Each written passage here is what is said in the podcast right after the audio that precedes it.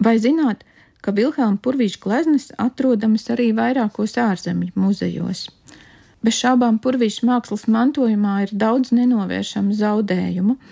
Tomēr dažkārt mēs pie otrā pasaules kara upuriem vēl nesen esam pieskaitījuši arī tādus reprodukcijās pazīstamus darbus, kuri jau Latvijas brīvvalsts pirmajās desmitgadēs bija nonākuši citu Eiropas zemju muzejos, un tur ar retiem izņēmumiem arī saglabājušies.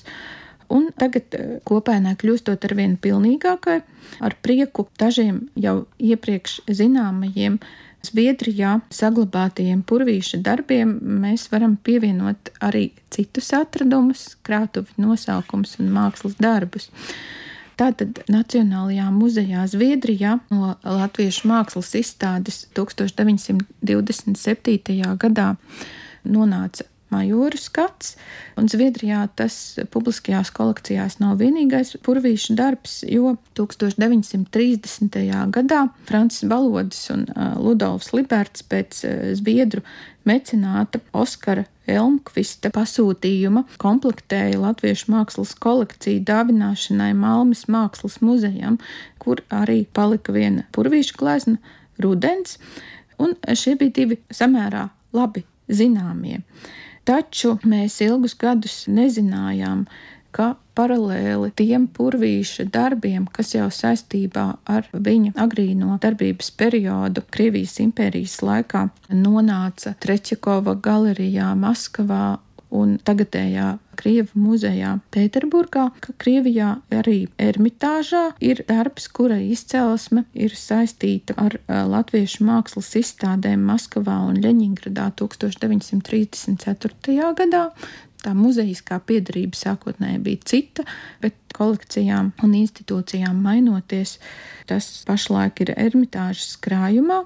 Savukārt no Latviešu mākslas izstādes eh, Helsinkos 1936. gadā Ateneuma mākslas muzejā kā pirkums palika purvīša glezna pavasaris un kā viņa dāvinājums arī glezna atkusnis 1937. gadā kad latviešu mākslas izstāde ceļoja turnejā uz Budapeštu, Prāgu un Vīni. Šajā maršrutā jaunus īpašniekus muzejiskās kolekcijās ieguva divi darbi, no kuriem viens Ungārijā ir pieder pie kara zaudējumiem, taču ir saglabājies Čehijā palikušais darbs pirms vētras, jeb pirms negaisa, kas gan ir vairākas reizes mainījis savu muzejisko piedarību un tagad noerankurojies krātuvē, kuras tolaik vēl nebija Benešovas mākslas un dizaina muzejā. Savukārt pēdējais ārzemju muzeja ieguvums 30. gados bija Parīzē 1939. gadā, kad tur ar iedvesmojošiem panākumiem notika latviešu mākslas izstādi, no kuras Francijas valsts iegādājās vairākus mākslas darbus, un to skaitā arī purvīšu pēdējo sniegu, ļoti ekspresīvu šīs tēmas interpretāciju, kas tagad ir nonākusi Žorža Pompidu centrā un arī atrodama šīs krātuves virtuālajā kolekcijā.